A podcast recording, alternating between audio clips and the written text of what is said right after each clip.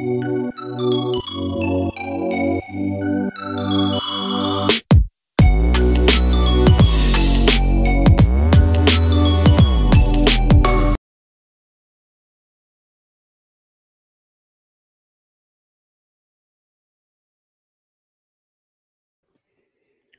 alle sammen. Velkommen tilbake igjen til Sparringpodden med Hallgeir. I dag er jeg så heldig at jeg har fått med meg i mitt eh, lille digitalstudio en eh, techno-warrior av dimensjoner. Eh, velkommen skal du være, Hans Petter Nygaard Hansen. Velkommen. Takk. Eh, så vanvittig kjekt at du eh, har lyst å være med denne flotte påskeuka. Ja, det kommer an på hvor man er i landet, tror jeg. Ja, jeg tror det òg. Eh, sånn for de som ikke kjenner deg, eh, kan du si noen ord om hvem du er og hva du gjør? Uh, ja, hvem jeg er opp... Altså, skal vi ta liksom hele fra barndommen og Ja, la, oss, la, oss begynne, la oss begynne på eh, kanskje etter konfirmasjonsalder, i hvert fall. ja, altså, Opprinnelig så er jeg fra Sandefjord. Flytta Ja. til uh, Oslo i 92. Uh, gikk da på Datahøgskolen. Som i dag er Altså, det het Datahøgskolen, og så ble det vel en, ITH. eh, og så er det vel en del av um, Westerdals, hvis ikke jeg tar helt feil nå i dag. Mhm. Eh, spesialiserte meg da på databaseutvikling. Og programmerte i Altså, jeg har lang programmer... Jeg begynte å programmere på slutten av 70-tallet. Hvilke språk begynte du med, hvis jeg kan spørre om det? Eh, altså, min, min far lagde en datamaskin uh, ja, 78-79, uh, og da programmerte jeg i assembler. Altså det nærmeste du kommer til sånn ren maskinkode, nærmest. Ja. Og så har jeg vært innom eh, alt fra basic, eh, altså hva heter det, Eh, altså Microsoft Basic, eh, Quick Basic, eh, Pascal, Turbo Pascal, C++, Kobol, Cobol, Fortran. eh, ja, mange forskjellige programmeringsspråk. Jeg, jeg, programmerte jo en del på Datahøgskolen i Jeg tror det er Cobol som faktisk er Jeg vet ikke om det er helt fjernet enda fra en del sånne legacy banksystemer som jeg seinere i tiden eh, kom innom rundt eh, Y2K, altså millenniumskiftet. For da, da jobbet jeg i Cisco. Begynte i Cisco i 97, altså IT-giganten Cisco. Ja. Eh, var tekniker før det, og så begynte jeg der som selger. Og så forlot jeg Cisco i 2011. Eh, Da var jeg Nord-Europa-sjef for SMB-markedet i, i Cisco. Og så forlot jeg egentlig hele IT-bransjen og begynte i PR og kommunikasjon. Blei litt sånn Fra å være veldig opptatt av teknologien i seg selv, så ble jeg mer opptatt etter hvert av hvordan teknologien Og nå stjeler jeg da eh, payoffen, holdt jeg på å si, til Cisco. eh, hvordan teknologi endrer måten vi lever, leker, lærer og jobber på. Eh, og blei mer opptatt av ja, hvordan egentlig teknologien påvirker oss da, eh, i kommunikasjonssammenheng. Og begynte da i Gambit, var i Gambit eh, ja, bare en kort stund. Så var jeg i GK, uh, Gelman Kise, fram til våren 2014. Og da begynte jeg for meg selv Uh, med Kom frem, som selskap med dette. Kom med to m-er, altså kommunikasjon som tar deg fremover. Og har liv meg, livnært meg siden den gang som uh, kall det digital kommunikasjonsrådgiver, foredragsholder, uh, konferansier. Bli med og leder en del workshoper osv. Eh, nå i disse dager så livnærer jeg meg eh, dels på en del faste kunder, og dels på Nav. Ja. Ja. Ja, jo, bare sånn eh, for å få det ut av verden nå. Altså, korona. Hva Du, du som mange andre eller, Det er jo veldig få, tror jeg, som ikke blir berørt av dette i det hele tatt. Men, men eh, har du noen sånne helt konkrete tanker rundt eh, korona? Du Hvor bekymra er du? Um, nei, altså jeg, jeg, altså, over natten så forsvant jo bortimot 70% av eh, inntektene mine. Eh, Ja. og det er klart, da, da blir man jo bekymra. og så ble jeg vel egentlig altså Først, først ble jeg bekymra over inntektene som forsvant, og så ble jeg vel egentlig mest av alt uh, noe som jeg også skrevet litt om i en artikkel som jeg kalte da for 'Frykten for Nav'. For det som kanskje bekymrer meg mest, det er jo at uh, i den grad jeg er permittert, så har jeg ikke anledning til å jobbe mer enn de 30% som står igjen på faste kunder. Ja. Uh, så jeg var liksom dobbeltbekymret en liten periode for at Nav ville bruke lang tid på å utbetale disse dagpengene. Uh, ja. Hvilket jeg ble advart uh, av Torbjørn Røe Isaksen, Røe Isaksen bl.a. For Hvis jeg måtte legge ut uh, fra mitt eget selskap uh, dagpenger over lengre tid, så ville det gå inn på uh, det som sto igjen av kapital. Og sånn sett så ville det sakte, men sikkert spise opp egen, egentlig all egenkapital. Og ja. på et eller annet tidspunkt da så måtte jeg jo plutselig kanskje permittert meg sjøl 100 og da måtte jeg jo i praksis også si opp de resterende kundene jeg hadde fast. Nå, ja. nå ser det jo ut som de betalingene faktisk begynner å gå ut, men jeg skulle jo helst sett at Norge, og det er jo mange som eh, er enig med meg også om, og som vi prøver å løfte og kjempe for at de skal ta til den kanadiske eh, eller den danske modellen, hvor de heller da gir mm. eh, lønnsgaranti eller lønnskompensasjon til selskapet, sånn at du faktisk kan bruke de 70% av tiden til å kanskje prøve å finne nye kunder, finne andre måter å jobbe på osv. Og så er kanskje ikke det for mitt vedkommende sånn Det er nødvendigvis ikke liv laga. Altså, nå, nå, sitter vi på videokonferanse, ja. og jeg har vært med på noen sånne webinarer og kjørt noen konferanser der. Og det er klart det er ganske stor forskjell fra betalingsviljen for å se meg på scenen og holde et foredrag, uh, versus hvor mye folk nå bruker penger, uansett hvor billig eller dyrt det måtte være, på å se et webinar. Det, det, er, det er nesten altså Hvis jeg skulle sammenlignet med noe, så tror jeg liksom det, det, blir nesten som uh, overgangen fra en helsides annonse i Kall det Stavanger Aftenblad, ja. til en uh, Google remarketing-annonse på Stavanger, altså på aftenblad.no. Og det, det, er ganske stor forskjell, altså. Ja, så må man tenke på effekten, da. Men ja, okay. nei, det men, ja, altså, og det er jo ingenting som, jo ingenting som slår uh, face to face. Nei. Nei, altså det, det, er helt enig. Altså effekten av deg på en uh, scene er nok uh, ganske mye mer effektfullt enn hvis det er f.eks. en podkast eller YouTube-video eller webinar eller sånne ting, selvfølgelig. Det er, jo et, annet, det er jo et eller annet med nærheten. Eh, kroppsspråket. Eh, altså jeg kan jo sitte og gestikulere foran, foran en skjerm og, og, prøve å innbille meg sjøl at jeg har et publikum eh, foran meg, men det blir hva skal jeg si, det blir, min, altså det blir uansett mindre engasjement fra meg for eh, det å være en foredragsholder er litt på samme måte som å være en standup-komiker. Og det er et slags eh, si, ja? Det er en slags kontrakt da, mellom publikum og foredragsholder eller standup-komiker. Så hvis, hvis publikummet liksom sitter sånn, himler med øynene, ser ned, holder på mobilen din, så blir du ikke en god foredragsholder eller standup-komiker. Nei, det blir ikke vanskeligere. Ja, det blir, altså det blir, fryktelig mye vanskeligere. Og, og, jeg må jo kanskje innbille meg litt mer da Hvem er det som sitter og ser på og hører på? Uh, hvordan er det de forholder seg til det vi sitter og sier nå, de som eventuelt måtte, måtte se det? Nå har jeg jo deg jeg kan forholde meg til, ja. men om du sitter her stiv som pokker i maska, så, så, tenker jeg hm, kanskje jeg skal kutte ned på det jeg holder på med å si nå. Kanskje ikke det har noe mening i det hele tatt. Så det er jo en, er en, øvelse i seg selv. og Nå er det jo mange som begynner å snakke om liksom, kommer arbeidslivet til å endres totalt. Eh, når vi kommer liksom ut i andre enden av tunnelen, kommer vi til å reise mindre? Kommer vi til å være mindre på konferanser og seminarer osv.? Eh, det håper jeg inderlig ikke, og det sier jeg ikke bare fordi at eh, jeg vil tjene penger på foredrag.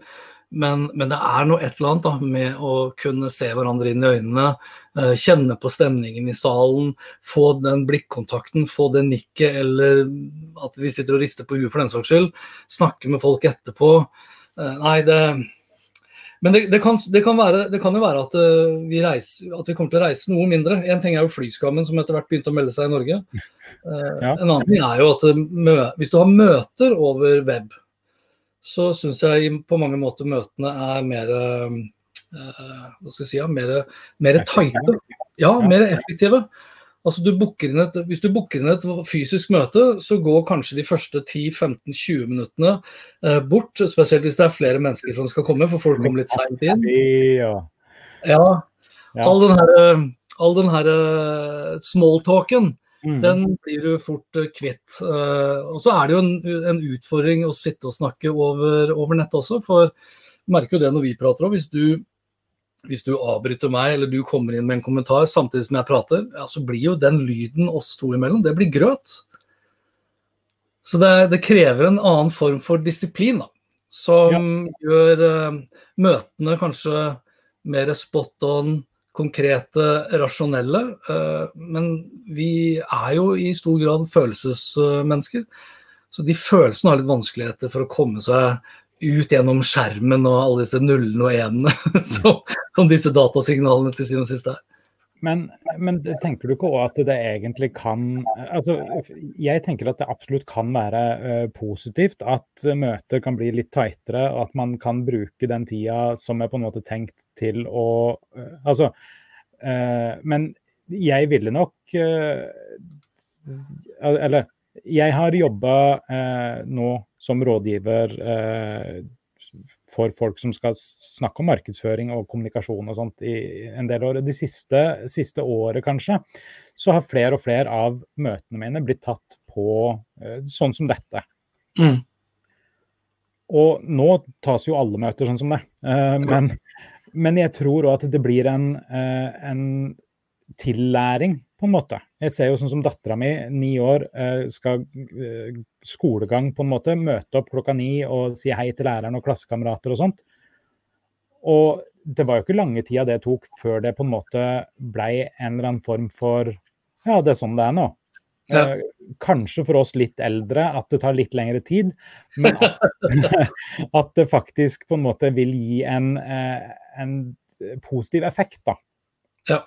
Jo da, eh, for møter så er jeg helt enig med deg. Og det er jo sånn i de gangene, altså, eller ikke de gangene, når, når eh, jeg får en henvendelse om et foredrag eller det å være konferansier, mm. så vil jo de aller fleste, inkludert meg selv, ha et uh, brifingmøte i forkant. Mm.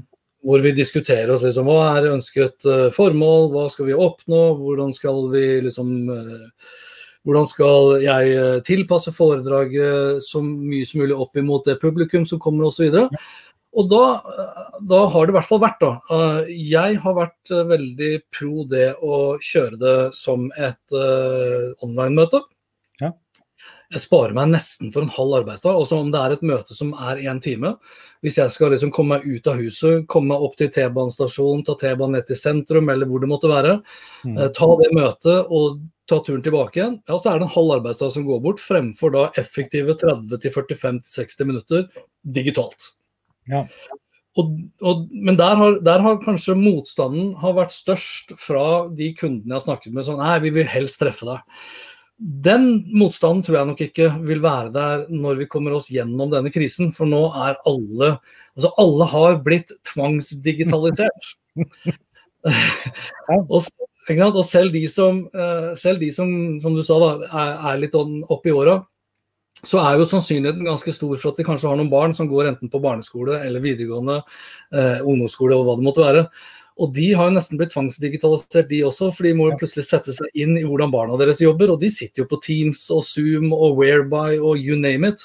Ja. Uh, så det er, jo, det er, jo, veldig positivt. Miljømessig sett så kan man jo håpe da at uh, vi ikke går tilbake til normalen, uh, og så går det to måneder og så er lufta like dårlig, og så må vi begynne med Greta Thunberg igjen, og så kommer konspiratørene tilbake. Altså, ja, det er mye som kan gå, gå, galt, men lufta har vel aldri vært så bra i vår levetid som den er uh, egentlig akkurat nå. Nei. Uh, OK, du bare for å hoppe litt tilbake igjen til på en måte bakgrunnen din. Du, du sa du jobba på teknisk support. Ja, altså jeg, jeg, begynte som, jeg, begynte som, tekniker i et lite distribusjonsselskap i 95. Ja. Og var da eh, Hva heter det? Eh, jeg var eh, novelladministrator. Jeg vet ikke om det er så mange som husker novell engang. Men da het, da, da het intranettprotokollen IPX, og så fikk vi etter hvert en brannmur som da egentlig bare konverterte IPX-protokoller over til IP, som da var liksom internettprotokollen. Ja. Novell klarte seg jo ikke over ja, Sakte, men sikkert med dotcom etc. Så, så meldte jo Windows 95 seg på med Microsoft Exchange, og jeg ble da også autorisert Exchange-administrator. Og var da veldig sånn nitty-gritty ned i puddingen og jobba med skript og det, det ene etter det andre. Og så ble det distribusjonsselskapet ble kjøpt opp av en distributør som, he, som het Aslan, men som i dag er en del av TechData. Okay. Og da fikk vi inn en haug med nye agenturer, og så ble jeg bare spurt kan du ta eh, salgsansvaret for Cisco. Ja. Eh, og på, den, på, det tidspunktet der så hadde Cisco noen rutere som eh, ja, som de fortsatt har nå i dag, altså for all del. Men det var ikke så, da, da var vi liksom på Vi var på regnearksiden og vi satt og kalkulerte eh, marginer. Og utover Cisco, det husker jeg jo veldig godt. For nå, nå, nå er, nå er det nostalgihjørne her. Men jeg hadde, jeg hadde også salgsansvaret for Netscape. Netscape Navigator. Oh yes, ja. ja. Uh, og den og Jeg får jo frysninger bare jeg prater om det, men uh, For på den tiden så kosta det jo mye penger å kjøpe da en eh, altså Navigator, Netscape Navigator var gratis for privatbrukere, men i bedriftssammenheng så kosta det penger. Uh, når vi fikk da nye utgaver av Netscape Navigator, så satt jeg da og kopierte det over på disketter. Og sendte det i, i, i posten til bedrifter, basert da på antall lisenser. Update. Og husk på, det, det selskapet den dag i dag tror jeg, jeg mener å huske at det var det selskapet som har brukt kortest tid fra de ble børsnotert til de var verdt over 1 milliard dollar. En dag i dag. Det er jo han godeste Ja, nå husker jeg ikke navnet på han. Han, eh, han som startet det, han har jo en podkast som heter A16Z. Uh, and Horowitz. Ah. Uh, som koda det greiene her. Han, jeg, er litt usikker på om han, om han var også bak uh, Mosaikk, som var da liksom den første grafiske webbrowseren. Ja. Som, jeg, som, jeg, husker. Og da tilbake da til 95 så satte jeg da opp en uh, nettside. Uh, min første nettside i 95, det var ikke mange som hadde nettsider da. Nei. Som het Cybersofa, hvor, hvor jeg dedikerte hele nettsiden til Cypress Hill. Som jeg for øvrig har en urjævlig, for å banne litt, forferdelig tatovering på ryggen og Cypress Hill på Seriøst? Ja, ja. Det, altså, den er Ikke bare er den stygg, men den er så latterlig dårlig plassert. Den er liksom sånn hadde den vært lavere, så hadde det vært sånn klassisk sånn pornostjerne Ja, så, så, den er bare midt på. Den ser bare sånn Folk som ser den, håper jo sikkert bare på at det er sånn midlertidig tatovering, men den har vært der siden 95. og det... ja, jeg vet ikke om det er bedre eller verre, men jeg, har, eh, jeg var veldig eh, kristeliøs en periode. En lang periode, fra jeg var 12 til jeg var 26 eller 27 eller noe sånt nå. Eh, så jeg har da et stort kors tatovert på hele ryggtarva. Et kors Oi. på venstrearmen og en stor Jesus på hele høyre leggen og så ble jeg ateist etterpå. Så jeg vet ikke Cypress Hill er jo fortsatt kul musikk, da. Ja, Men altså, vi vet, vi vet jo at eh, altså, om du ikke er religiøs eller ikke, vi vet jo at Jesus levde. Det, det, det kan medføre riktighet. Eh, det at man har en eh, samling da av uh, tatoveringer av folk som har eksistert, det, det kunne jo like så godt vært uh, Petter Tømrer. Altså, ja. Men ok. Du kan, eh. du, kan, du kan, jo si at du har liksom tatovert uh, uh, en del av vår kulturhistorie. Ja, ja det, det, så, altså, det, er jo en del av min historie også, uansett. Ja. Ja, litt, litt, som din Cypress Hill, på en måte. Ja. Uh, men jo, jeg solgte faktisk min første nettside i 1998. Da lagde jeg den Jeg fant den igjen nå for litt siden i Internet Archives. Ja. Jeg fikk 14 000 kroner for den sida, og jeg og Notepad satt i ukevis og eh, koda eh, det var jo ikke en nettbutikk, men det var en butikk med alle produktene til et sånn steinbeleggingsselskap. Ah, okay. Så jeg hadde, jo, jeg hadde jo egne katalogsystemer, ja. Men, eh, men OK Hva var det du, du lagde? For jeg husker jeg, jeg, gikk på kurs en gang hos uh, Det heter jo Athea nå, men jeg tror det het Merkantildata på den tiden, hvor jeg hadde opplæring da i uh, Microsoft Frontpage. Ah, ja, det var et Jeg lagde det i Notepad. Ja. Eh, rein, eh, reinkoda HTML i Notepad. Ja, det er imponerende. Eh, og så hadde jeg òg eh, Jeg lagde noen sånne eh, For det, hvis jeg endra en ting i toppmenyen, f.eks., så endra jo ikke det seg i alle de andre sidene. Så da lagde jeg et sånn eh, kopier Nei, lim inn, lagre, lukk. for det, hvis jeg hadde hvis jeg åpna alle Notepad, alle tekstfilene, altså HTML-filene i Notepad, så la jeg de bare bakover, og så skulle jeg merke tekst. Og så paste, save fila, lukk fila, for da gikk den videre til neste automatisk. Og så kunne jeg da eh, kjøre et sånt lite skript som gjorde det automatisk. Ja, ok. Eh, så det var et helt sinnssykt idiotkomplisert eh, eh CMS-system. Manuelt CMS-system. Litt samme som de, de, diskettene du måtte sende ut når folk skulle oppdatere Netscape. Ja, uff. Men der har, du jo, der har du jo eh, Vi snakker jo ofte om Moores law, men eh, her er vi jo på Murphys law. ja, så sinnssykt. det var òg veldig mye som gikk galt, for å si det sånn. Men der måtte jeg jo teste opp at det fungerte både i eh, Explorer og Netscape, og det var jo ikke alltid like lett heller. Nei, nei. Og så kom opera etter hvert, og ja, det ble mer å teste. Men ja. Men likte du å jobbe med support? Uh, ja, jeg gjorde vel egentlig det. Altså, det, det. altså, På den tiden der så var jo all kunnskap var jo Altså kunnskap i seg selv var jo ganske sånn uh, begrenset vare. Ja. Uh, marginene var jo skyhøye. Mm -hmm. ja, altså Virkelig. Det var jo en gull... Altså Jeg er utrolig glad for at jeg fikk med meg liksom den den tiden hvor uh, folk på mange måter latterliggjorde og håna mitt valg om å gå inn i databransjen. Og mente at det var bare helt på trynet. Liksom. Ah, så nå skal vi plutselig ikke være Vi skal plutselig ikke treffe hverandre uh, i det virkelige liv, og det her kommer aldri til å slå an osv. Du kommer til å bli arbeidsledig etc. Og når man da så liksom sakte, men sikkert at uh, bare du kunne bare du kunne bitte lite grann, så var folk ganske fort villige til å betale gode penger for den kunnskapen. og bare på, si, bare på å selge Netscape Navigator på diskett, så hadde vi jo 30-40 eh, margin. det er jo helt sykt. Helt sykt, faktisk. Helt sykt. Og, og, ja. og det var jo det var som en distributør. Ja. Det å sitte mellom barken og veden. I, I Cisco, som da uh, skal vi se, Når var det? Jeg tror det var rett rundt rett før millenniumsskiftet. Mm. Så, ble, så, var faktisk Cisco eh, verdens største bedrift i markedskapitalisert verdi. Og da hadde vi nesten 80% margin på produktene våre, før, før liksom du trakk inn kostnader og lønnsutgifter osv. Ja.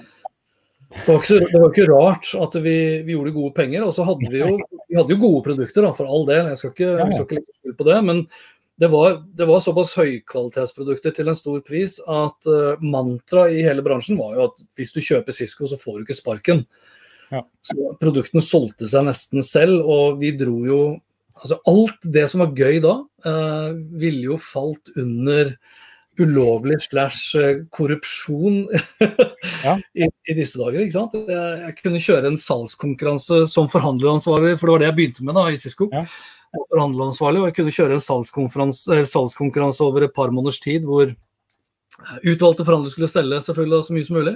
Mm. Uh, og de solgte jo Altså De kunne jo selge da uh, vanvittig mye, egentlig, med tap, nærmest. Fordi deres bonusmodell var ikke basert på fortjenesten på, for selskapet sin skyld, det var bare for omsetningen. Og etter at konkurransen var ferdig, så stakk vi plutselig da en uke til Las Vegas med et par timer faglig ja. påfyll. Litt med det faglige òg. Ja, ja, litt faglig skulle det være, men utover det så var det jo timer og dager med helikopterflyving og rafting og alt mulig greier i Grand Canyon. Det var jo Ja, det var tider, altså. Det er viktig å motivere. Det, det kan man jo si. Eh, men ok, da, da jobba du med salg av eh, altså Først forhandleransvar, og så eh, salgsansvar. Hva var det som gjorde at du på en måte tok det skrittet til Eller var det bare det at du ble spurt? Altså, Utmerka du deg? Var du en god selger? Var du en god Tenker du på sånn oppgradering i Cisco-sammenheng? Ja. jeg har jeg har, jeg har, tenkt en del på det. Og, og jeg har jo for så lekt av og til med tanken om å skrive en bok om uh, det her med endring. For det her uh, hvor, Hva jeg kalte det? Jeg, jeg tror tittelen på den boka skulle være 'Trygg på utrygg grunn'. Ja. For en, altså endring har vært og Det høres litt sånn klisjéaktig ut, men endring har egentlig vært den eneste konstante faktoren i, i livet mitt. altså Fram til Fram til jeg traff uh, min kone og vi har flytta liksom, i det huset vi har bodd nå i en tolv års tid, så hadde jeg vel flytta 35-40 ganger. Bytta barneskole flere ganger. Ikke for at jeg var et problembarn, men uh, min far jobbet først i Forsvaret og så i oljebransjen, og, vi flytta veldig mye på oss. Så, så jeg alltid trivdes med endring til det punkt at jeg blir fort utålmodig hvis jeg opplever at ting går på repetisjon. Ja. Så det var ganske sjelden egentlig at jeg var i samme rolle i samme selskap i mer enn kanskje et år. Uh, og jeg har aldri vært redd for endring, og heller aldri vært redd for å stikke hodet frem. Aldri fryktet det å prøve meg på noe nytt som jeg kanskje ikke mestra. Sånn, jeg, skal ikke si at Pippi har vært et forbilde på ingen måte, men folk skjønner den, det bildet og den metaforet der. Uh, og når jeg da når jeg da valgte å hoppe ut av Cisco, så var det rett og slett også fordi jeg følte på mange måter at jeg eh, Jeg gikk litt tom for energi og motivasjon. Eh, jeg tjente veldig gode penger i Cisco, eh, og det var nok å gjøre, men det var litt sånn repetisjon. Med fare for å generalisere litt for mye, så er det mange som kan tulle litt med lærere. Som liksom tar en lang lærerutdannelse, og de første årene er det masse erfaring, og de neste årene så er det egentlig veldig mye som går på repetisjon. Ja. Eh, det er det mange som trives i, eh, by all means. Eh, og de aller fleste trives jo, det ser man jo på hvor vanskelig det er å få tak i gode ledere. Veldig mange trives jo med å bli ledet. Jeg syns det var veldig gøy å lede, men jeg syns kanskje det var enda gøyere å, å drive et marked sjøl. Ja. For det, det, å lede mennesker, det, altså personalansvar, det er krevende. Yes. Det er ganske enkelt når alt går bra, eh, og så er det fryktelig krevende når eh, man møter motgang. Og jeg har jo vært gjennom da, i databransjesammenheng, så har jeg vært gjennom dotcom hvor, eh, hvor det var veldig tøft. Når, når bobla sprakk og vi hadde altså på et tidspunkt så hadde jeg jo aksjer og opsjoner for flere titalls millioner, og, som jeg da ikke fikk casha ut. Hadde jeg, fått de fire, altså, hadde jeg fått de fire måneder tidligere, så hadde jeg rukket å cashe ut før liksom, aksjeverdien falt fra 80 til 8 dollar. Hvor jeg i praksis egentlig da var i minus hvis jeg hadde casha ut de opsjonene. Men da var det jo en del som mista jobben, jobben, sin, og det å si opp mennesker, det er helt grusomt. Og det skal heldigvis være grusomt. Ja, ja, ja, helt klart. Man, man lærer jo veldig mye av det. Uh, og nå har jeg jo nå har jeg har jobbet for meg selv da, siden våren 2014. Uh, eh, og trives jo veldig godt med det. Altså, mange begynner å kjenne på brakkesjuka. Jeg har jo hatt brakkesjuke. så i det grad jeg kjenner på brakkesjuka, så er det noe mer at jeg ikke kommer meg ut. da. Uh, og møter de menneskene som jeg trives med å møte når jeg står på scenen. Kjenne på den nervøsiteten som bare koker inni meg før jeg skal på på scenen hvor uh, det er mange som spør meg liksom, ah, kan du ikke komme litt tidligere, så kan du få en lunsj liksom, før du skal på scenen. Jeg kan komme, jeg kan komme tidligere, men aldri i verden om jeg skal stå på, på scenen med full av mat uh, som bare syder og koker i, i magesekken. Uh, jeg drikker masse kaffe, går hinsides mange ganger på toalettet, øver meg på den første setningen. Jeg har vært uh, tidlig på plass for å kjenne på stemningen, hvordan den siste foredragsholderen før meg var for å se om det er noen poenger der jeg kan trekke opp av for å liksom komme godt i gang. Ja. Det er jo borte. Og alle disse faktorene her er jo også borte da når vi sitter og prater, prater digitalt. Altså, jeg, jeg, gleder meg til å å kjenne på den nervøsiteten. Ta alle disse forbanna do- dobesøkene. Komme Ja. litt mer ut. Men når, når var det du innså at det var det å gå for deg sjøl som var den rette veien for deg, da? Det, det begynte i 2013. Eh, altså etter at, jeg da, etter at jeg kom da til GK og hadde ansvaret der for eh, det fjerde beinet, hvis du kan kalle det det, som var da sosiale medier. For da var det noe som alle lurte på. Ja. Eh, så, så, så ble det flere og flere foredrag eh, som oppdrag gjennom GK. Ja. Eh, og, og da ble det mer og mer hjemmearbeid for å jobbe med disse foredragene så sakte, men sikkert så, så jeg jo det at jeg var, liksom, jeg var på mange måter en butikk i GK-butikken. Ja. Uh, og så hadde jeg jeg hadde startet opp da Hans Petter Info som et NUF noen år tidligere. Hadde putta inn noen penger i det selskapet som jeg hadde investert i et par andre selskaper som hadde gått uh, dårlig. Så jeg hadde et, uh, jeg hadde et fremførbart underskudd Ja. som kunne bære noe av lønnsutbetalingene mine Uh, hvis jeg da valgte å starte for meg sjøl, i tillegg til at jeg hadde en pipeline i uh, GK-sammenheng på foredrag som, som var booket på meg. Altså I det øyeblikket jeg sa opp, så ville ikke de som hadde booket meg inn, si opp meg og finne en annen foredragsholder hos GK. Uh, så jeg tok en prat med, med Andreas Wabe, som var sjef da i, eh, i GK, og skrevet den lengste oppsigelsen i hele mitt liv. Uh, jo, for jeg var uh, Altså, Hans Gelmøyden er De fleste som har jobbet litt innen PR og kommunikasjon, vet veldig godt hvem Hans Gelmøyden er. Mm. Og som en, som en gründer, som han er da, av GK, så er det han en person med masse følelser. Så jeg var livredd for at han skulle kunne tolke min oppsigelse på en måte som kunne få han til å bli fly forbanna på meg. Ja. Så du Så jeg- overforklarte din egen oppsigelse? Ja, veldig. Eh, Og da jeg la den fram for Andreas Wabe, så sa han jo bare rett ut at hvis ikke du hadde kommet med en oppsigelse nå, så hadde jeg bedt deg egentlig om å komme med den, for jeg ser at du må starte for deg selv. Og, og, og igjen, da, for å sluttføre akkurat med Hans Gelmøden. Hvis det er én ting Hans Gelmøden har respekt for, så er det gründere. Hadde jeg begynt hos en konkurrent, så hadde jeg forventa at han hadde skjelt meg ut etter notene. Ja. men det var ikke lange samtaler med han eh, jeg trengte. altså Han ønsket meg lykke til. og jeg har egentlig bare godt å si om eh, Hans Gelmøden, men jeg fryktet han en Ja, liten stund. Hva, vil du si var det skumleste med, eh, med å gå ut fra sånn ansettelsesforhold til å være din egen sjef, da? Altså det, eh, det skumleste da, og det skumleste fortsatt, det er jo at uh, du har ingen å skylde på. Altså, jeg kan jo skylde på jeg kan jo velge å skylde på eksterne faktorer. Altså, nå i dag så, så, så er det jo en åpenbar faktor som heter korona, eller Ja. covid-19. Ja. Uh, Men det å, det å kunne Altså det å være 100% avhengig av deg sjøl, når du har da Du har en kone, tre barn, en katt, eh, et eh, vanvittig husbanklån og en dyr bil og osv. Og du har vært vant til å heve liksom fastlønn pluss bonus eh, opp gjennom årene. Ja. Så er jo den, den frykten der er ganske stor. Og jeg har skrevet også om liksom den fryktbaserte selvledelsen, har jeg kalt det. Ja, det var faktisk det neste spørsmålet mitt. Eh, hva, hva legger du i det, egentlig?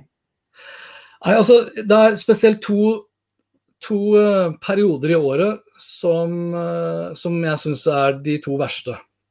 Ja. Uh, og Det ene er perioden fra skoleslutt til skolestart rundt årsskiftet.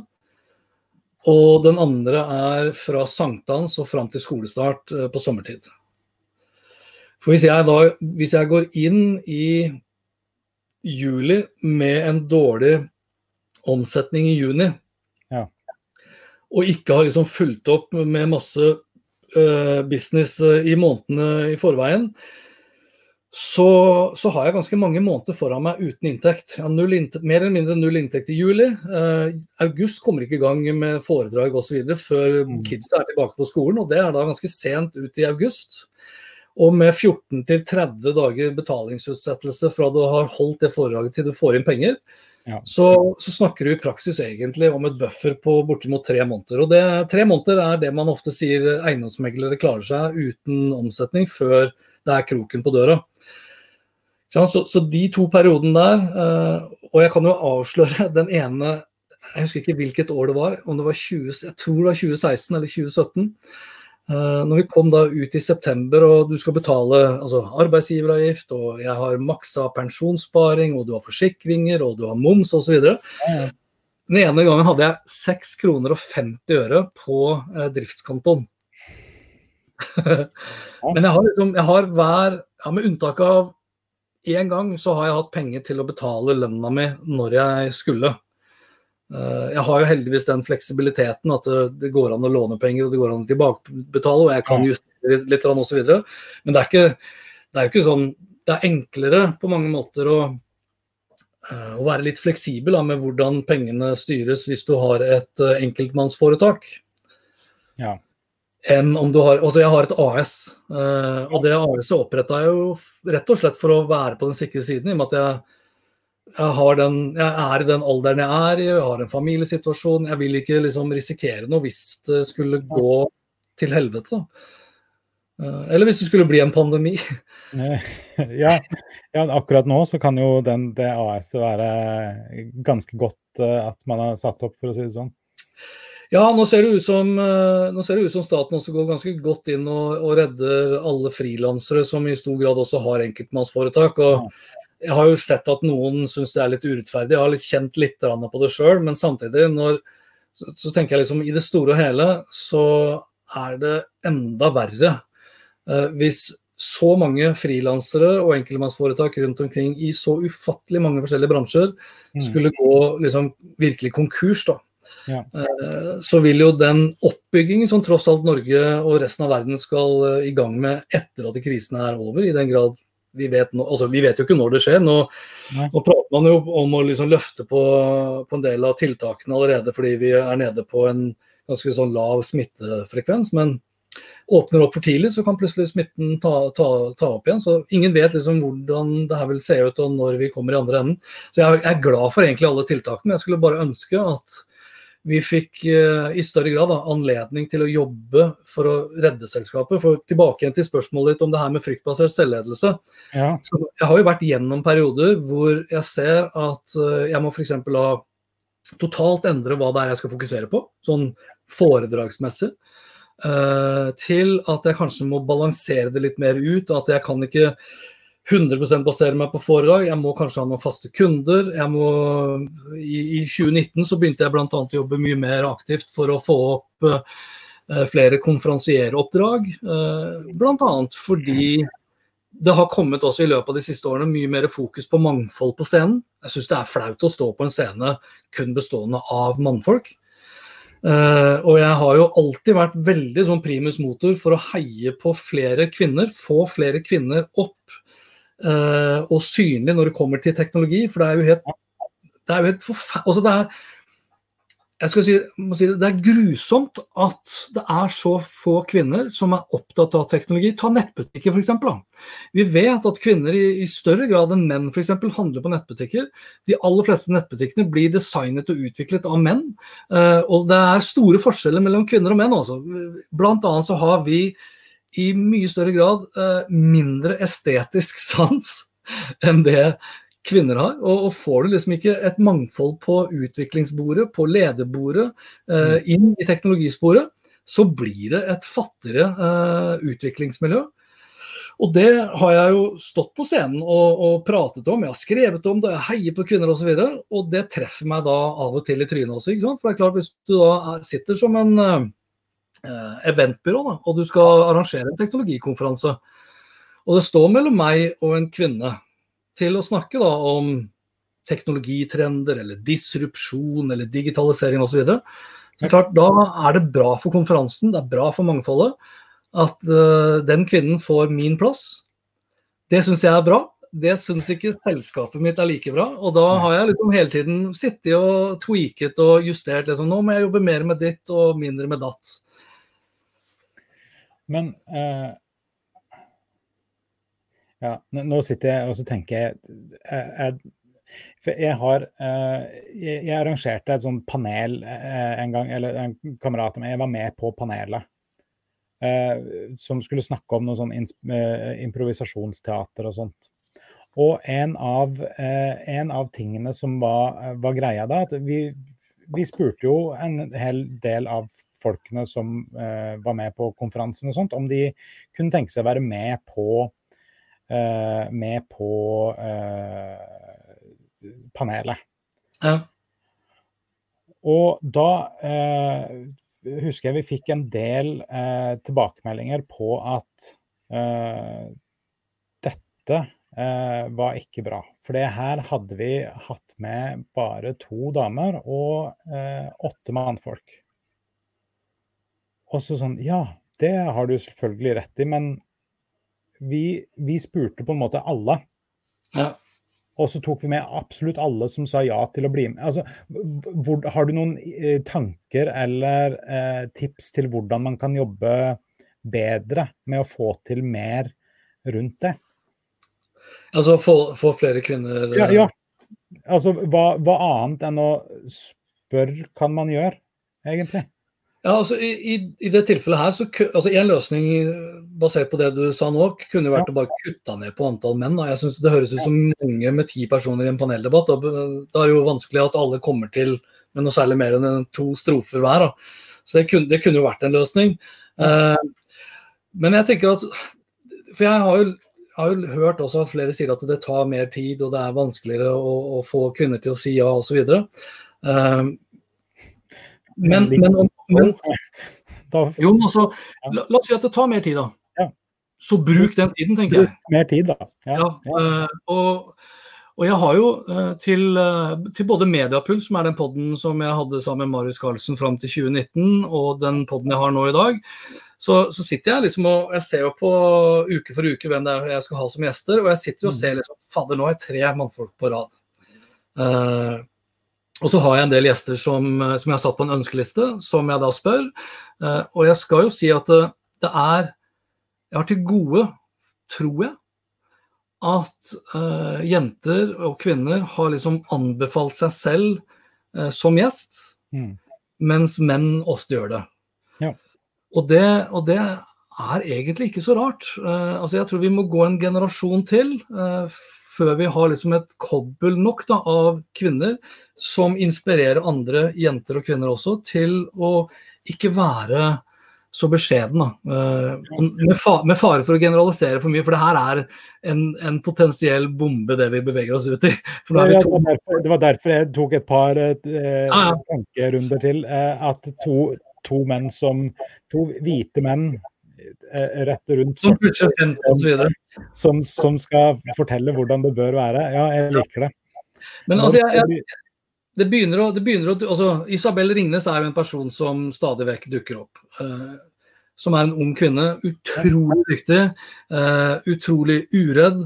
Som jeg trodde egentlig bare fikk masse heiarop, men som også får mye dritt og hat.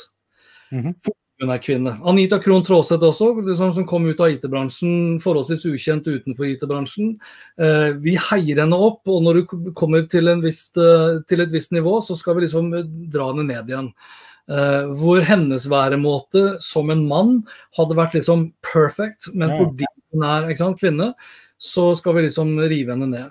Eh, Astrid Valen Utvik er et annet eksempel. Louise Fuchs, f.eks., som jobber i Kolonial.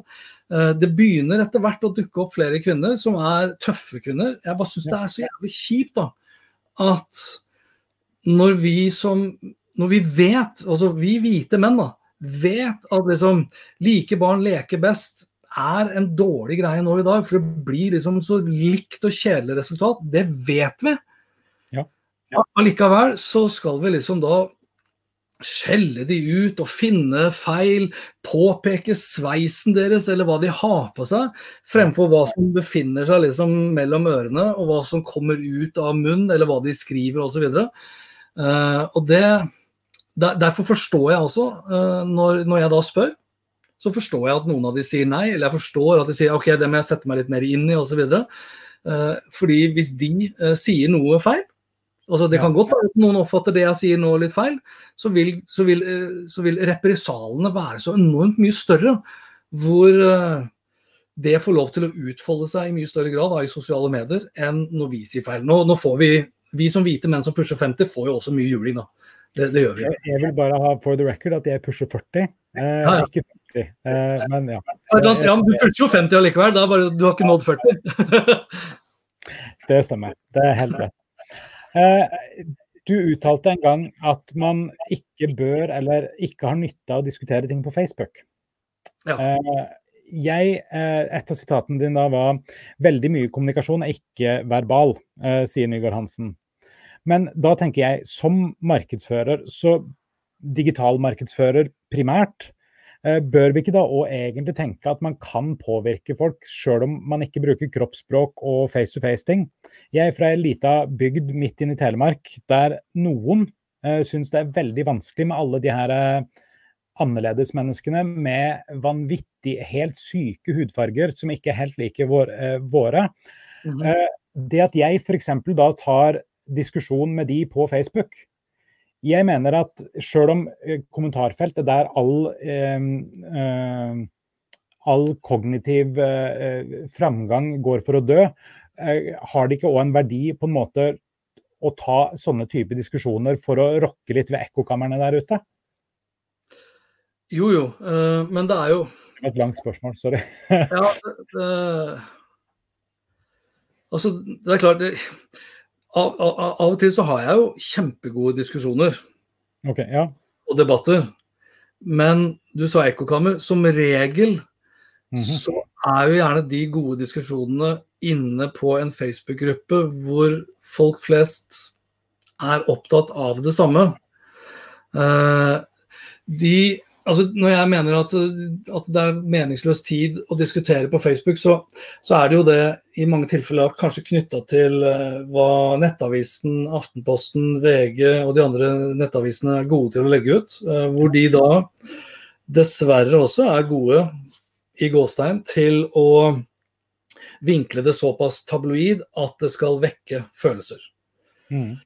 Og, det er, altså, og det er jo da i det øyeblikket hvor følelsene tar overhånd for rasjonelle, eh, det rasjonelle tankesettet, at vi mister fokus på saken og går på personen.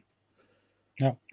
Og da, da, blir det jo eh, Da blir, da blir liksom min Min uh, Mitt hovedfokus blir på mange måter å få fram mine synspunkter, ikke å bli belyst av dine. Jeg skal bare vinne diskusjonen. Uh, og den skal jeg vinne for alt det er verdt. Og da, da, sitter du i en skyttergrav, og jeg sitter i en annen skyttergrav. Og så kan du jo spørre deg sjøl, etter to timer og masse hat og mye negativ energi, hvor mye smartere ble du egentlig av det her? Var det her verdiøkende, eller var det liksom energireduserende? Og i veldig mange tilfeller så er det jo dessverre det siste. Ja, det er jeg helt enig i. Det er absolutt. Jeg, jeg, bare Noen ganger så føler jeg at jeg må, jeg må på en måte ta en for laget. Ja. Og så må jeg si at vet du hva, det der du sier der sånn, det er helt feil. Du trenger ikke å Men, men bare altså, sånn For min del så er det ofte da til de andre som leser den her eder og gallen som legges ut av enkelte. Så sånn, jeg vil i hvert fall sørge for at folk vet at det fins folk som er uenig i dette. Ja, jo, jo. Men, eh. men, men, har de endret eh, mening etterpå?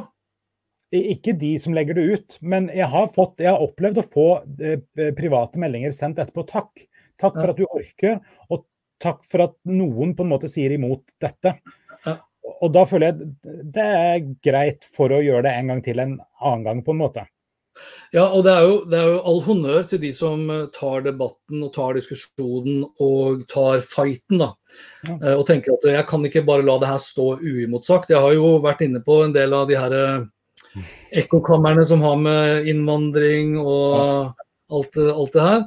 Nå er det, jo, nå er det jo så himla mange temaer. Altså, er det innvandring? Er det politikere? Er det konspiratører som, at, som mener at jorda er flat?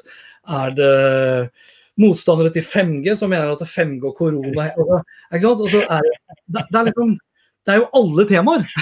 Ja, ja, vi kan ikke ta alle fightene, det, det, er jeg klar over. Men det å ta noen av og til, det, det kjenner jeg at det gir meg litt sånn tidvis. Ja, jeg, har, ja, jeg, jeg er både, både, enig, og så tenker jeg liksom, av og til så tenker jeg også at skal jeg, skal jeg kanskje heller bruke den tiden til å være mer sammen med familien, Eh, til å gå en tur ut, til å drone, til å ta meg en treningsøkt, hvis jeg i den grad gjør det. Altså, det er så mye du kan bruke tiden til som er mye mer fornuftig. Ja, jeg, jeg, skal, jeg, skal, innrømme at mesteparten av den tiden som har blitt brukt på disse tingene, har kanskje vært etter både ungene og kona har lagt seg, og jeg ligger i senga og bare OK, bare én ok, Hvis de ser denne lenken til denne artikkelen som motbeviser det de sier, da, da endrer de helt sikkert mening. De ja. gjør ikke det. Nei. Men, Nei og det, altså, hvis, du, hvis, du, tar da For det er jo egentlig bare en sånn eh, Jeg syns det er en god måte hvis du skulle oppsummert akkurat den biten her. For i dag, uh, altså da jeg begynte å jobbe i IT-bransjen, hvor det var nesten ingen som var på nettet, så så var jo verden preget av sånne begrensede faktorer. Altså, vi hadde begrenset tilgang til informasjon og kunnskap. Det var begrensa tilgang til uh, markeder, alt var mye mer lokalt. Da. Vi hadde begrensa tilgang til det å nå kunder, og, og, og, ikke minst da kommunikasjonskanaler. Nå i dag så er det liksom ubegrensa tilgang.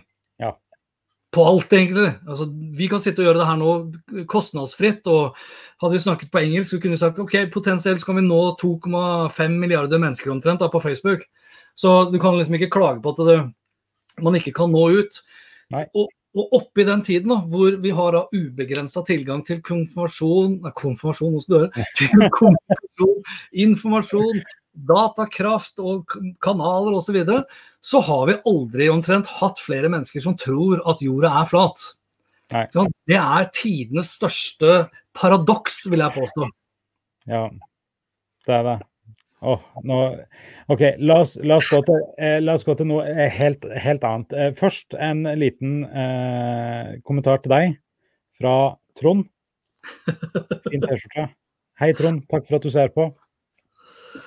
Absolutely nothing. Ja. Eh, hvilke ting gleder du deg til nå, da?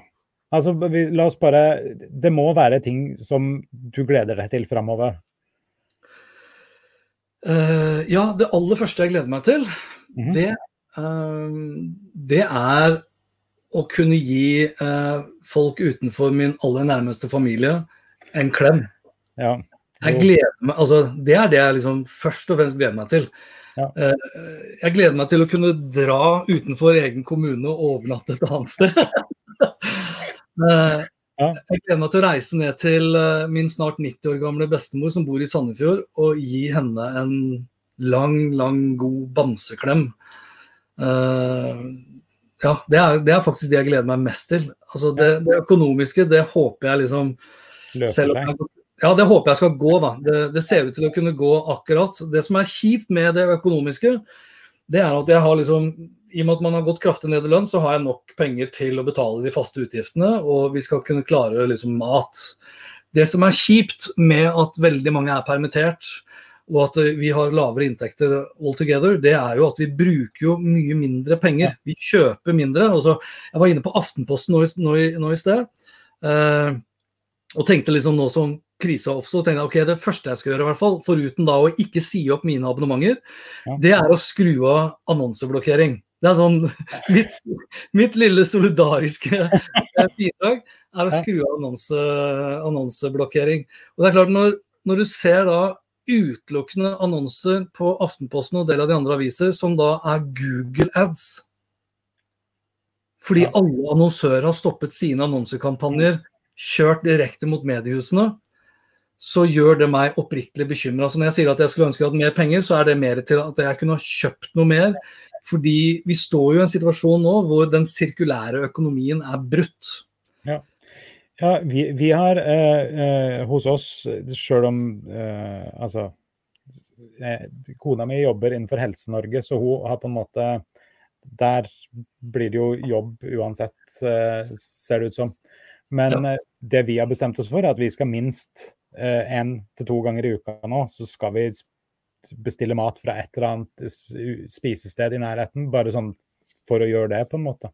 Ja. Eh, det, det, er ganske betraktelig opp fra det vi pleier, men jeg tenker at det, jeg, jeg, liker de så godt alle sammen at jeg, jeg trenger at de er her etterpå. Ja, ikke sant. Og det gjelder jo, det gjelder jo veldig mye mer. altså Mat er jo én ting. Det er jo en del bransjer som fortsatt går bra. ikke sant. Eh, vi handler dagligvarer. Litt for mye dasspapir, sikkert. Eh, og vi handler jo masse på apoteker, eh, både offline og online. Det er jo ikke så mange restauranter igjen å handle av som har åpent. Vi kjøper jo mindre klær, og det er jo noe av det som jeg håper også kommer godt ut av det etter krisen. Og det er jo kanskje at vi i Kanskje vi blir litt mer bevisste på å kjøpe eh, norske klær, er jo én ting, men at vi kjøper færre plagg som varer lengre. Ja. Altså hvor mange er det ikke som nærmest da klagde over at de hadde liksom fulle skap av uh, Hennes og Maurits-klær og diverse andre billigklær uten å ha tatt av lappen engang, som da solgte det videre på, på Tice. Så en del sånn bevisstgjøring er bra. Mm. Uh, personlig så har jeg vært liksom sånn primus motor for å handle på AliExpress og Amazon. og, og kjøp, liksom, Norske butikker må bare tilpasse seg. Eh, der tror jeg nok også vi kommer til å se et lite skifte. At vi blir I den grad vi kan si at nasjonalisme er bra, så tror jeg vi blir mer nasjonalistiske. Uh, og det er jo ja, Så lenge det ikke går over i en sånn proteksjonistisk, eh, fremmedfiendtlig, så er jeg helt med. Men, eh, men, ja, det å ta vare på de rundt seg, det skal jo på en måte gi eh, noe altså både følelsesmessig positivt, men også samfunnsøkonomisk positivt. Ja. Og det er klart, du kan, ikke, du kan ikke bare si nå skal jeg bare handle alt som er norsk. Da. For det vi ser, det vi ser nå, sant, på så kort tid da, som vi tross alt snakker om, ja. så, så, skjønner man ganske fort at uh, Man skjønner ganske fort hvor sammenvevd uh, uh, verden er. Ja. Vi, fikk, vi, fikk, en kommentar her. Trine Fløtterøy Gansmo skulle ønske avisen hadde bedre systemer for annonsering. Vet du hva, jeg er helt enig. Jeg er helt enig. Og, og det, her vil jeg bare også kommentere, for når jeg sier at jeg blir litt lei meg for at liksom alle annonsører har trukket seg ut av, av Aftenposten osv., så, eh, så vil jeg heller ikke si til norske annonsører at de skal føle dårlig samvittighet for at de bruker pengene sine på Facebook-annonsering. Eller på Google eller på Instagram. Jeg syns fortsatt annonsører i dag skal bruke pengene sine der hvor det gir best effekt. Eh, og når nesten alle virksomheter i Norge i dag er såkalte SMB-bedrifter, longtailen er ganske lang, altså. Uh, hvor selvbetjente systemer som da Facebook og Google og Instagram og Twitter og LinkedIn osv. Ja. Snapchat ja, har gjort det mulig for oss å kunne håndtere det og måle det og se effekten av det. Og utnytte de datasignalene vi får tilbake for å kunne liksom, hva heter det, forbedre det før vi repeterer det. Der er ikke norske annonsører. Så de, de møter seg litt sånn sett da i døra, fordi de har visst om det her lenge. Uh, går du inn på Aftenposten eller Schibsted som sådan så, og skal annonsere, så får du jo beskjed om at liksom, send en e-post hit, og så vet du at uh, du vil da få en telefonoppringning, og da skjønner du at det her koster penger. Ja. Uh, hva syns du om Hvem var det, da?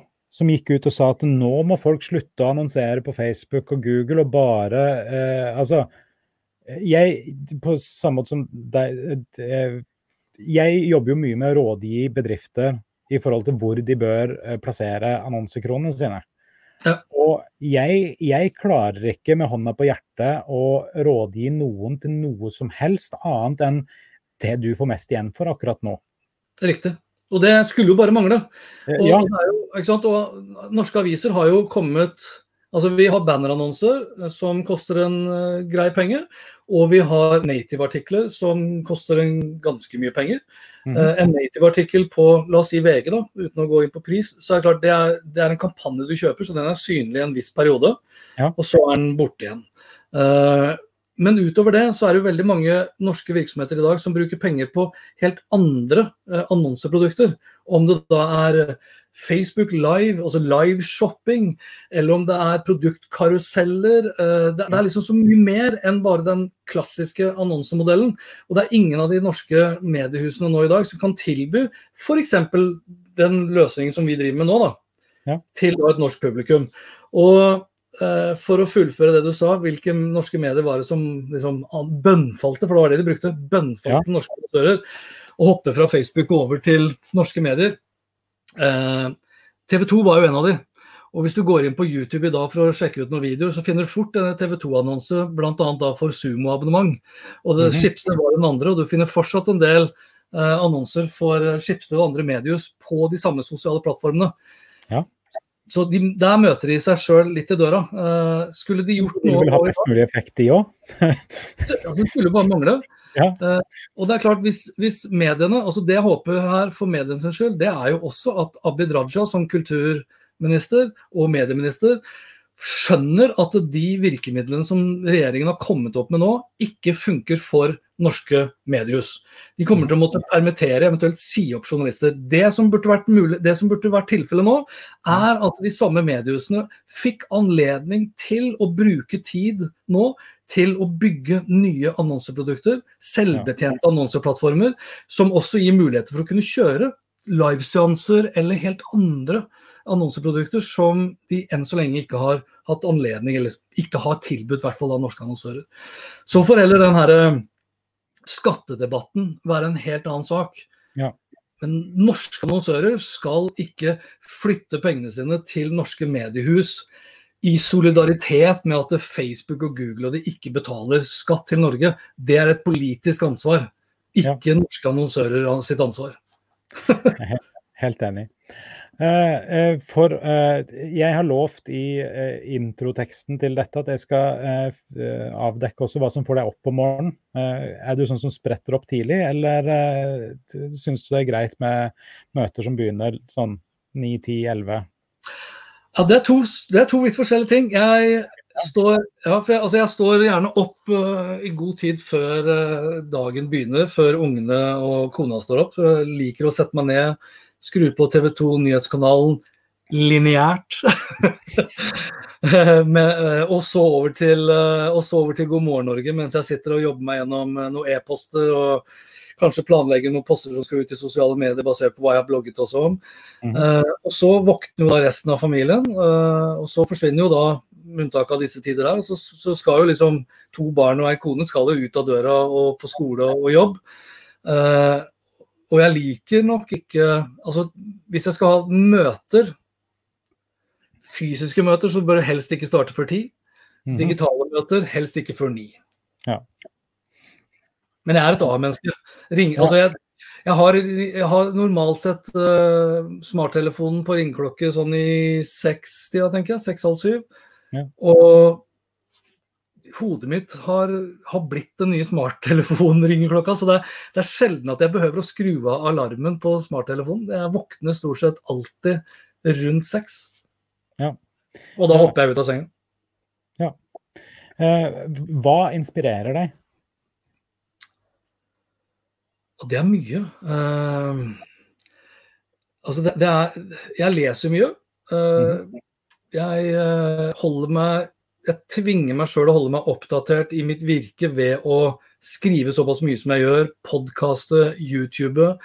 Jeg, jeg, blir inspirert av å være Altså, jeg, jeg, er, jeg blir inspirert av å være en foredragsholder. Jeg blir inspirert av å være på foredrag, men jeg blir også inspirert av å gå en tur i skogen så lenge jeg har med meg eh, en drone eller et bra smarttelefonkamera. Eh, så, så, det å være Og jeg blir, jeg blir, inspirert av å gå med gressklipperen eh, med hodetelefoner på og hører på podkast. Så det, mitt, mitt, alter ego, liksom, i og med at jeg sitter og jobber såpass mye med, med EDB hele tiden. Det er jo å komme meg ut i naturen. Eh, og det at jeg da liker å fotografere og filme og drone osv., det er liksom den unnskyldningen jeg trenger da, for å komme meg litt ut. Ja. Vil du si at du heller mot system i livet ditt? Altså system og orden, eller kaos? Og hvor på den skalaen befinner du deg? Jeg er nok mer på kaos-siden. Jeg har tatt en del sånne personlighetstester opp gjennom åra. Jeg husker jeg tok en for mange år siden i Cisco som jeg følte traff meg egentlig veldig bra. Hvor jeg ble definert som en bulldoser. Altså at jeg liksom bare brøyter. ikke sant? Jeg er ikke Jeg kan være litt sånn rotete, selv om jeg liker å ha orden rundt meg. Og jeg liker å være strukturert. Og jeg har liksom, jeg har jo liksom hva heter det, punktliste med hva jeg skal gjøre. Ja, ja. Uh, Uh, og jeg har regneark, jeg liker å være, gå analytisk til verks osv. Men, uh, men jeg er ikke det er nok andre som ville ha sagt at jeg burde vært enda mer detaljorientert. Men er du veldig uredd, da? Det er jo det jeg føler at jeg er. Uredd på, ikke sant? Og utålmodig. Da, kan du ikke da, da heller du mer mot kaos enn mot liksom fullstendig struktur. Ja, for, for, meg så høres det litt ut som om du, du har et litt kaotisk tankesett. Men ja. du har lagd, eh, du har lagd en del systemer selv for å veie opp mot det. Så langt så har det i hvert fall funket, da. Eh, men det er klart, jeg har jo jeg kunne sikkert vært, Hadde jeg vært mer strukturert, så hadde det kanskje vært mindre frykt uh, i min egen selvledelse, hvis du vil. Ja. Men på samme måte som nervøsiteten før et foredrag gjør at jeg skjerper meg, så er vel kanskje noe av den frykten også med på å holde meg skjerpet. Uh, har du hørt om uh, Køllen-konsert? Nei. Uh, jeg hørte en podkast, uh, jeg tror det var NPR eller noe sånt nå, som, uh, som handla om kaos, kreativitet og hvordan det å bli satt på en måte At du får helt andre rammer og forutsetninger for noe du pleier å gjøre, kan mm. bringe fram det beste i deg.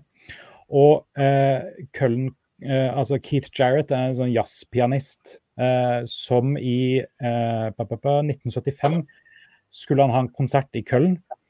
Eh, der, når han kom til arenaen, eller konsertstedet, så var pianoet var ustemt. Eh, de fleste av de svarte tangentene funka ikke. Og de helt lyse tangentene og de helt mørke tangentene funka ikke i det hele tatt. Så han sa jeg, jeg kan jo ikke spille her. Men hun som hadde organisert hele, eh, hele konserten, hun var ei 17 år gammel tysk jente som bare sånn å, så, det har skjedd et eller annet feil, kan du være så snill? Han bare sånn OK, jeg skal gjøre det, men sørg for å få tatt opp dette, så jeg, du kan få høre hvor jævlig det blir. ja. Og det er det mestselgende eh, soloalbumet eh, gjennom tidene. Eh, Jazzalbumet til en soloartist. Ja. Mm. Eh, det har solgt over 3,5 millioner eksemplarer, og det er et av mine favorittalbum. Mest pga. bakgrunnshistorien, men også bare det å høre på albumet Cullen-konserten, eller The Cullen Concert av Keith Jarrett. Fantastisk. Eh, alt, alt, som på en måte bare fikk han til å OK, du kan ikke gjøre det du pleier å gjøre. Mm. Du, du, må holde deg innafor disse rammene. Go. Veldig kult. Ja. Uh, Android eller iPhone? Ja, begge deler. Ja, selvfølgelig. Hva liker du best? Uh, helt av um, det, det, er, jeg, det, er, et langt svar. Uh, iPhone liker jeg veldig godt fordi det er så veldig mange venner og kollegaer som har det. Så FaceTime og iMessage blir liksom vanskelig mm -hmm. å få til på en Android. Ja. Så sånn det På det generelle nivået så liker jeg veldig godt økosystemet til Apple. Når det kommer da til uh, kunstig intelligens og alt som ligger mulig i Google-universet og Android-universet, og ikke minst da uh, de Huawei-telefonene og kamerateknologien der til Leica, det, det går så langt utenpå Apple som det kan. Så det er til forskjellige formål. Okay, ja. eh, tre favorittapper, da? Ja, for, altså En ting er hva jeg bruker mest. Jeg ja. bruker veldig mye de klassiske, altså Gmail. Instagram, fotoappen. Uh, men hvis jeg skulle tatt Jeg er veldig Og det høres så kjedelig ut, men Tibber som en strømleverandør har en genial Jeg elsker Tibber. ja, men det, er, det, høres så teit ut å bare si ja, det er en favorittapp, liksom. Men bare det å kunne gå inn og se liksom, hva bruker jeg strøm til, hvordan har strøm Altså gamification-elementer. Ja, jeg ligger foran hus i tilsvarende størrelse osv. Bra, Hans Petter. så Tibber er, er, nok en sånn sett en favoritt. Jeg syns jeg er mye inne på den appen, faktisk. Um, en annen favorittapp jeg blir jo, altså Du snakket om inspirasjon. Jeg blir jo veldig mye inspirert av uh, sånne feriemål og toppturer og ting og tang som beveger seg på, på Instagram. Mm -hmm. uh, og så Nummer tre, hva skulle det vært, da? Jeg bruker Snapseed veldig mye. Ja, ok. Ja, til å red, eh, hurtigredigering av bilder og sånn? Ja. Jeg har liksom Jeg skulle ønske jeg var rå på Lightroom. Snapseed, next best thing. Ja, jo, jo, jeg ser den. Ikke sant? Ja. Uh, Instagram eller Snapchat? Uh, definitivt Instagram. Eh, YouTube eller TikTok? YouTube. Har du TikTok-konto? Dessverre. Ja. ja. Eh, hva, hvor mange views har du på den mest populære videoen din der? På TikTok? Ja. Du, jeg aner ikke. Jeg la ut en video da TikTok het Musically ja, ja. for tre-fire år siden eller noe sånt. Jeg har ikke sjekket. Jeg har ikke peiling. Ja, nei, jeg, jeg har bare blitt eh, Jeg og eh, eldste dattera mi starta opp eh, kontoen min når det het Musically. Og så uh, har hun fått seg egen sånn hemmelig konto nå, og hun yngste dattera mi på seks har også fått en sånn skjult konto, og så lager de masse filmer. Og så har jeg syntes det har vært litt artig å være med, så jeg har lagd noen, jeg også. Uh, men ja, det, jeg syns det er veldig en helt annen type kreativitet som får spillerom, da. Ja, jeg, var, altså jeg var på eh, Eight Minutes-konferansen i Oslo for noen år tilbake, hvor Lina Aas Eng heter hun, særdeles dyktig dyktig person i, i reklamebransjen. Jeg tror hun jobber i Pol, hvis ikke jeg tar feil. Eh, hun gjorde et ganske kraftig nummer på scenen der av eh, eldre eh, menn som bruker Musically, og hadde da brukt min video. Og jeg så jo Jeg fikk jo med meg nå Ørjan Bure, som nå også fikk seg en TikTok-konto, han fikk jo rimelig mye drit i, på Twitter bl.a., hvilket jeg syns ikke er, er riktig, da, men jeg har bare ikke giddet å bry meg om den TikTok-appen. Nei, jeg, jeg har sett litt hva Gary Vaynerchuk og han, hovedfotografen hans, eh, D-Rock, holder på med på eh, TikTok. Jeg syns det er ganske kult, egentlig. Ja, altså en, husk på, som en, sånn, som en markedsperson og, og kommunikasjonsrådgiver, så har jeg jo alltid vært veldig klar og tydelig på at bedrifter bør velge ut noen få kanaler som de treffer publikummet sitt på, så, Ja. hvor de kan gjøre jobben dritbra, istedenfor å vanne seg ut på alle mulige plattformer. Og det her er sånn, og der tråkker synes jeg, veldig mange bedrifter fortsatt ganske feil. For å, nå er det alle prater om TikTok, ja, da skal jeg også gjøre noe der. Så er det i 99 av tilfellet så er det flaut ræva dårlig. Ja, Det har du rett i. Eh, nå, nå kommer det skal vi se, eh, ti veldig kjappe, eh, eh, kjappe her. Og så eh, Det pleier jeg alltid å kjøre på på slutten. Det det som heter Proust Questionnaire, hvis du har hørt om det? Nei. Nei. Det er eh, sånn personlighetstest-ting fra eh, fransk, fransk forfatter. Og så har du han eh, Inside the Actor Studio. Han har alltid disse spørsmålene til eh, skuespillerne han intervjuer. deg. Okay. Eh, hva er favorittordet ditt? Fantastisk. Hvilket ord liker du minst? Hvilke ord jeg Nei, det, hvilke ord jeg liker minst? Eh, kona mi har en sånn strofe Jeg orker ikke. Det kan hun bruke ganske ofte, men det er jo et begrep. Hvilke ord jeg liker minst? Nei, jeg har ikke peiling, egentlig. Eh, hvilke ting blir du gira av? Hva da hvilke ting jeg blir Gira av? Hvilke ting jeg blir gira av? Fader, for noen vanskelig spørsmål. um, hvilke ting jeg blir gira av? DJI Mavic 2 Zoom.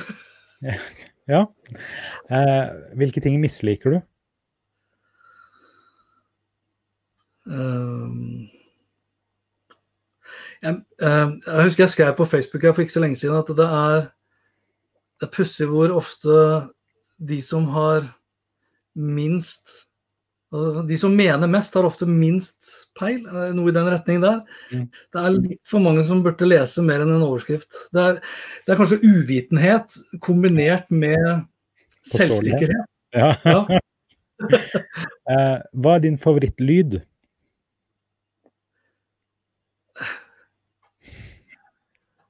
Eh, min favorittlyd. Stemmen til kona mi. Hvilken lyd hater du? det er sånn feillyd. Ja. Eh, hva er favorittbanneordet ditt? Ja, det er mange å velge mellom. Min kone er fra Tromsø, Ja. så det er jo nok av eh, gloser derifra. Så, f- er det hestkuk, liksom? Det, Hvis du skulle hatt et uh, yrke utenom det du har nå, hva ville det vært? Å, eh, det hadde vært utrolig kult å vært en, eh, en, en video Altså en skikkelig rå vlogger. Mhm. En sånn en reise, hvis jeg kunne spolt tiden tilbake og vært 25 år, så ville ha levd livet til eh, Han kaller seg for Lost LeBlanc på YouTube. Mhm. Han er en canadienser som bor på Bali og reiser bare jorda rundt og, og filmer og droner. Det Ja. livet der kunne jeg tenkt meg. Hvilket yrke ville du absolutt ikke hatt, da? Lærer. Jeg har null pedagogiske evner. Er det noe som har manifestert seg den siste tiden? Nei, jeg har, eh, nei og blir på barna hjemme. Nei, jeg, jeg har eh, sikkert utvikla noe mer selvinnsikt i løpet av de siste ukene, men eh, jeg, hadde, jeg har ikke tålmodighet og ikke pedagogiske evner til å lære unge barn ting som de kanskje ikke i utgangspunktet har lyst til å lære. Overhodet ikke. Hvis himmelen eksisterer, hva ville du helst at Gud skulle sagt til deg når du kommer dit? Logg deg inn her. Og med det så eh, takker jeg veldig for at du ville komme på besøk til min eh, My Humble podcast eh, livestream-ting. Det var veldig kjekt å ha deg med. Eh, Gleden på min side. veldig hyggelig. Ha en fin dag, og til alle dere som ser på. Vi snakkes plutselig. Ha det godt. Ha det godt.